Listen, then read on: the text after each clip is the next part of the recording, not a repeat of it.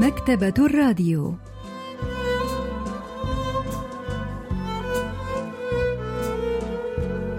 أهلا وسهلا بكم في حلقة جديدة من البرنامج الأسبوعي مكتبة الراديو الذي نستعرض من خلاله كتابا جديدا كل أسبوع.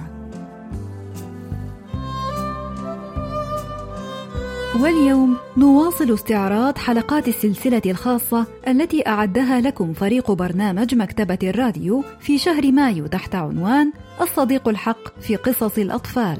واليوم سنستعرض قصة شهاب للكاتب كون جونغ سينغ. لحظات ونوافيكم بالتفاصيل.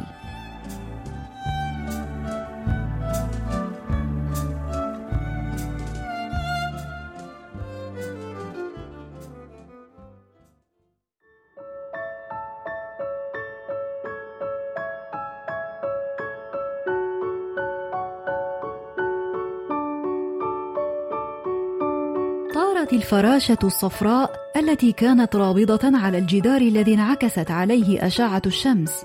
تساقطت أوراق أزهار المشمش أسفل الجدار مثل الفراشة. جمعت كابسون أوراق زهور المشمش الوردية وخاطتها معا بالخيط فصنعت منها قلادة. وضع كابتول بعض أوراق الورد التي جمعها في تنورتها.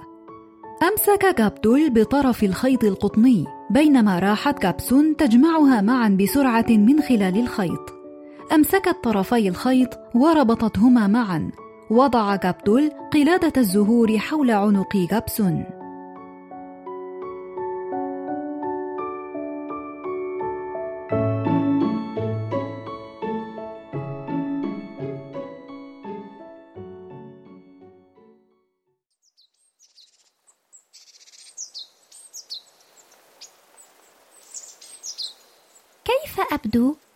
تبدين كعروس جديدة هل تمزح معي؟ لن ألعب معك ثانية أعني عروسا قديمة لا تزالين جميلة أمسك كابتول بيد كابسون كي لا تخلع القلادة.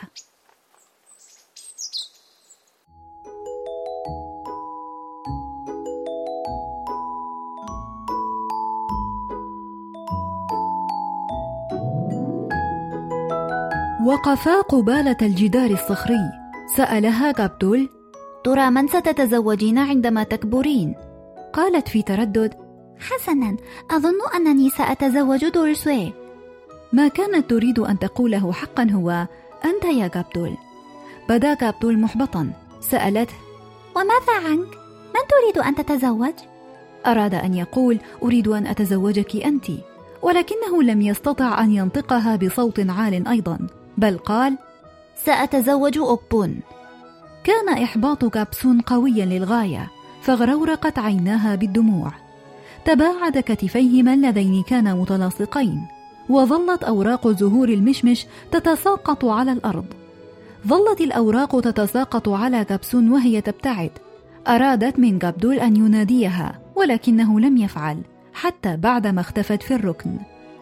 نشرت قصة شهاب للكاتب كوان جونغ سينغ عام 1978 البروفيسور بانغ مين هو أستاذ الأدب الكوري بجامعة سيول الوطنية يحدثنا عن القصة 별똥별이라는 작품은 아주 특이해요. 이 이야기는 1940년 تدور القصة حول مواليد الأربعينيات من القرن الماضي. فالطفلان كابسون وكابتول يمثلان أطفال تلك المرحلة والذين مروا بتجربة الحرب الأهلية الكورية وحرب فيتنام وما صاحب ذلك من المصاعب والمآسي. والقصة تضم الكثير من المشاهد المحملة بالمعاني الخفية ولذلك يقولون عنها إنها قصة أطفال موجهة للكبار. توقف كابتول وكابسون عن اللعب معا منذ ذلك اليوم. كان كابتول أحيانا يراقب كابسون وهي تبحث عن الأعشاب مع دولسوي وكانت هي أيضا تتجسس عليه وهو يلعب مع أوبون. كان كل منهما يشعر بالوحدة والضيق الشديد. مر الربيع وبدأت حبوب الشعير تمتلئ. تذكرت كابسون أن كابتول كان دائما يشعر بالجوع. قررت أن تجلب له كعك الأرز الملفوف في أوراق الأرقطيون عندما يحل يوم الدانو. وأن تعطيها له وهي تقول سوف أتزوجك أنت.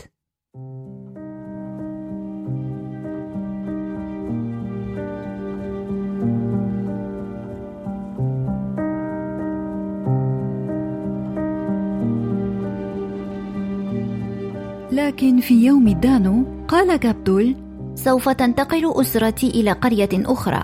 وهكذا غادر كابدول مع أسرته.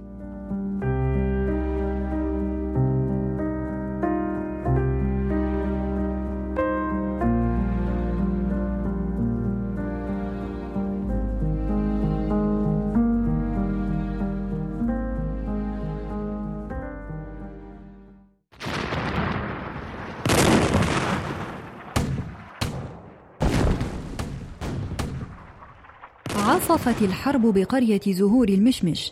كانت الألعاب النارية مشتعلة بين البلد السوداء في الغرب الأقصى والبلد الحمراء في الشمال.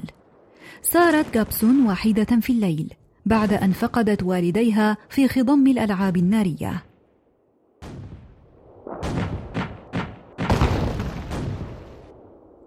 يتمت الحرب كابسون وكانت كلما نظرت إلى النجوم في سماء الليل تذكرت كابتول.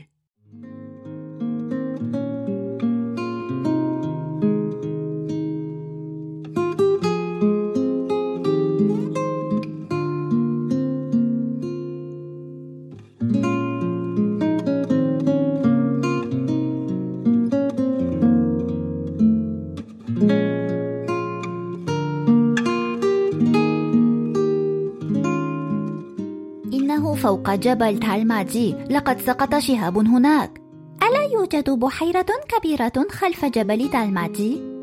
يقول الناس إن الشهب تتعمد السقوط في البحيرة ولماذا؟ لا أدري أقامت كابسون في خيمة مخصصة ليتامى الحرب في الأرض الطينية القريبة من الميناء القارب الذي كان يحمل البارود اللازم للألعاب النارية كان محملا الآن بجونلات قصيرة على الطراز الغربي وبدقيق الذرة الآتي من مكان بعيد. نما تيوم وجنبون والجميع وصاروا طوال القامة بفضل الكعكات التي صنعت بذلك الدقيق.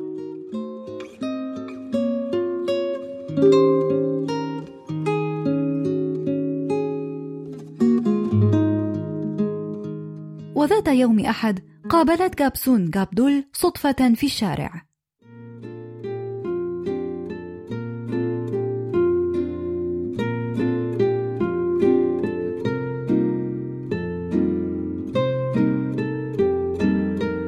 منذ ذلك اليوم صار كابدول وكابسون يسيران في شوارع الميناء كل يوم أحد متشابكي الأيدي.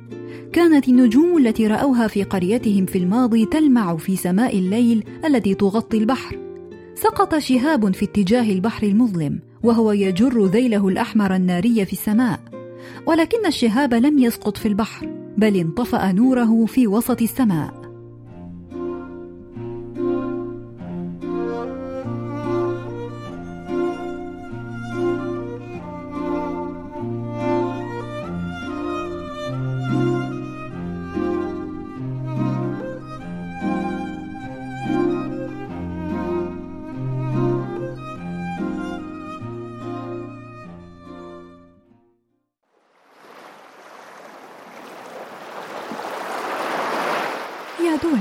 لقد توقف الشهاب ولم يسقط في البحر لا بد أنه خاف فالبحر عميق جدا تذكرت كابسون الشهب التي كانت تسقط في البحيرة خلف جبل دالماجي سألت ألم تمت الشهب التي سقطت في البحيرة؟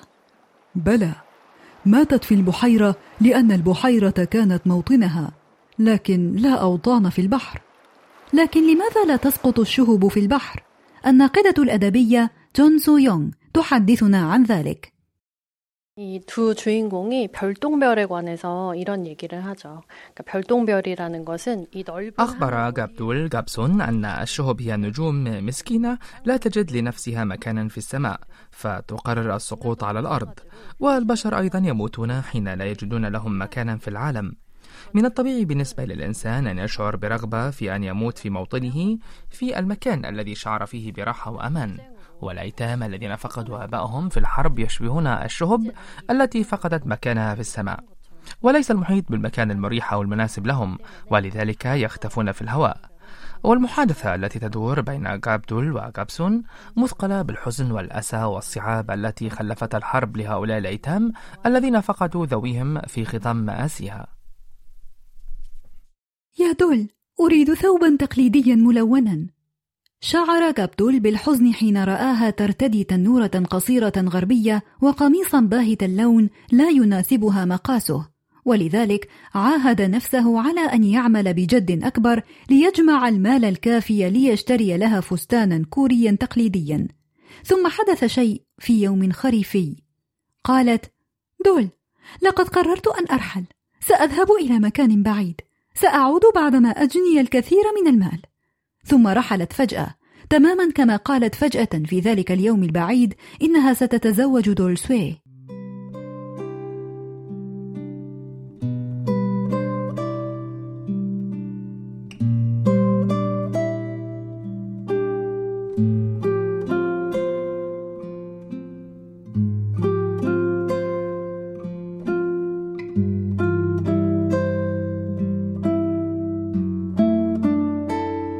خفتت الألعاب النارية الباهرة بالتدريج. اختفت رائحة الفحم وتعافت الجراح بالتدريج.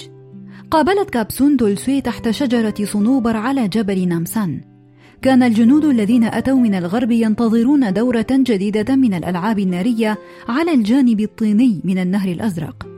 كان دولسوي يساعد هؤلاء الجنود وكان وجهه شاحبا كوجوه الغربيين. تزوجت كابسون بدولسوي دون لحظة تردد. بعدما تزوجت كابسون دولسوي بعد الحرب نست روائح زهور المشمش في قريتها وصارت تحب الفساتين الأجنبية التي تأتيها عبر المحيط وتفضلها على الثوب الكوري التقليدي.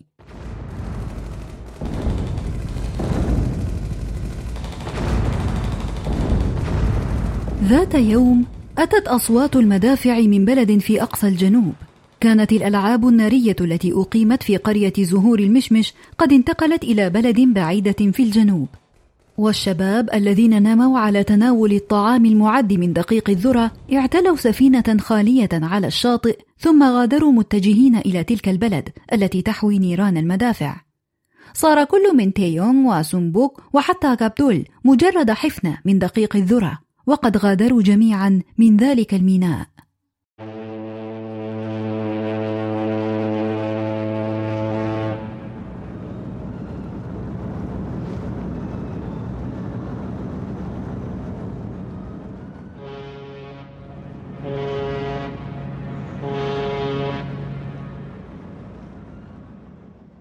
남쪽 나라 전쟁이라는 게 뭐냐?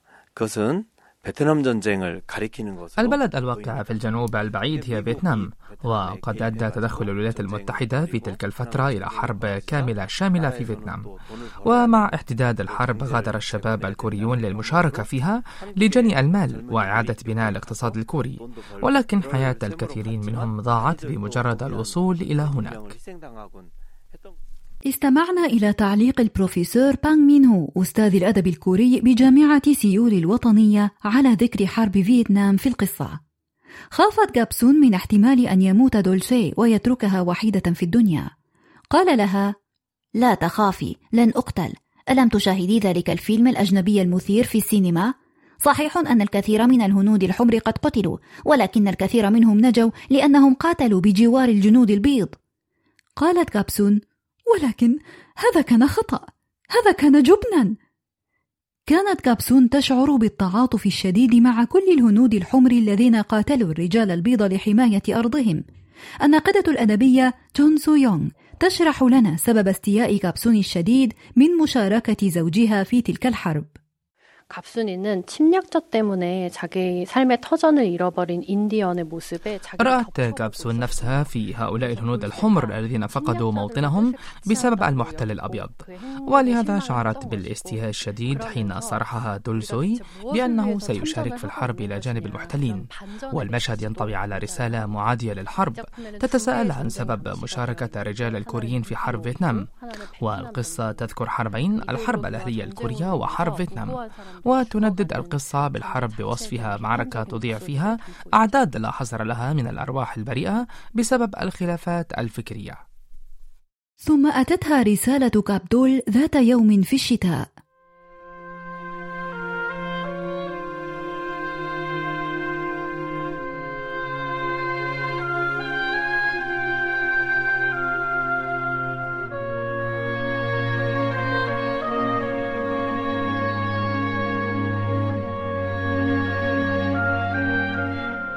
عزيزتي سون. لا شك أن الثلج الأبيض يغطي قريتنا الآن وأنا أكتب إليك الآن بكل جرأة لأنني أشتاق إلى قريتي المثلجة كثيرا. أنا في قرية جنوبية مليئة بالنخيل. المدافع تتفجر بأصواتها العالية والجنود الذين يرتدون خوذاتهم يشتعلون. هل تتذكرين الشهوب في سماء الليل؟ تلك التي شاهدناها معا في القرية؟ عزيزتي سون. سأصير الليلة على الأغلب الشهاب الذي سقط في البحيرة خلف الجبل ثم سأصير طيرا. وعندما تتفتح أزهار المشمش في قريتنا في الربيع سوف أصير طيرا يغني اغاني جميلة على فرع شجرة مليء بزهور المشمش الرائعة. في تلك الليلة جعلت كابسون زوجها يقرأ الخطاب الذي أرسله لها كابدول قبل أن يرحل. ثم خلعت زيها الغربي وهي تتأمل سماء الليل. وعندما خلعت حذاءها كانت قد وصلت إلى الشاطئ الفضي.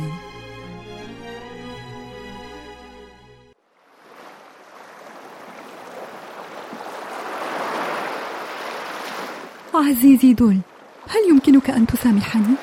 لقد قررت أن أصير شهابا الليلة. أريد أن أعود إلى قريتي إذا سمحت لي بذلك. أريد أن أصبح شجرة المشمش التي قلت إنك ستأتي كي تغني على أغصانها.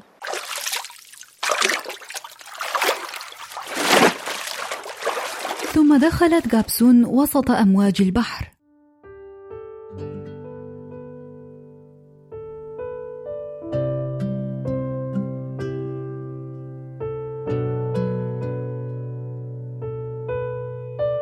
كان الربيع في طريقه إلى القرية.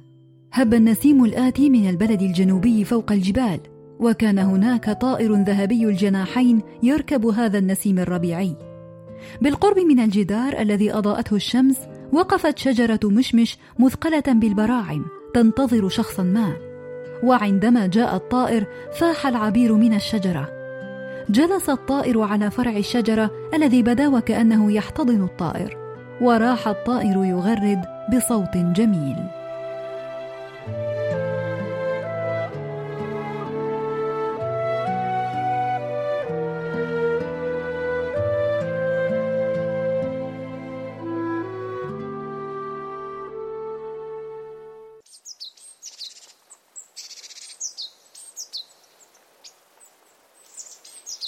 كان تغريده جميلا وكان يناسب زرقة السماء.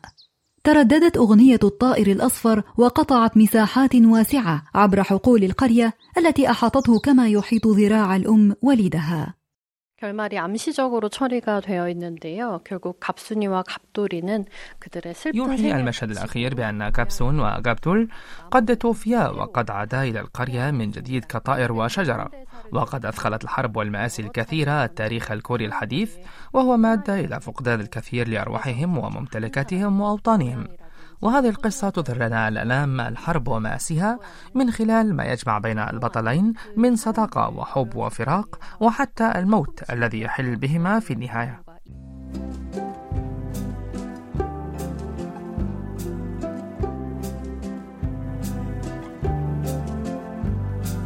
استعرضنا معا قصة شهاب للكاتب كون جونغ سينغ.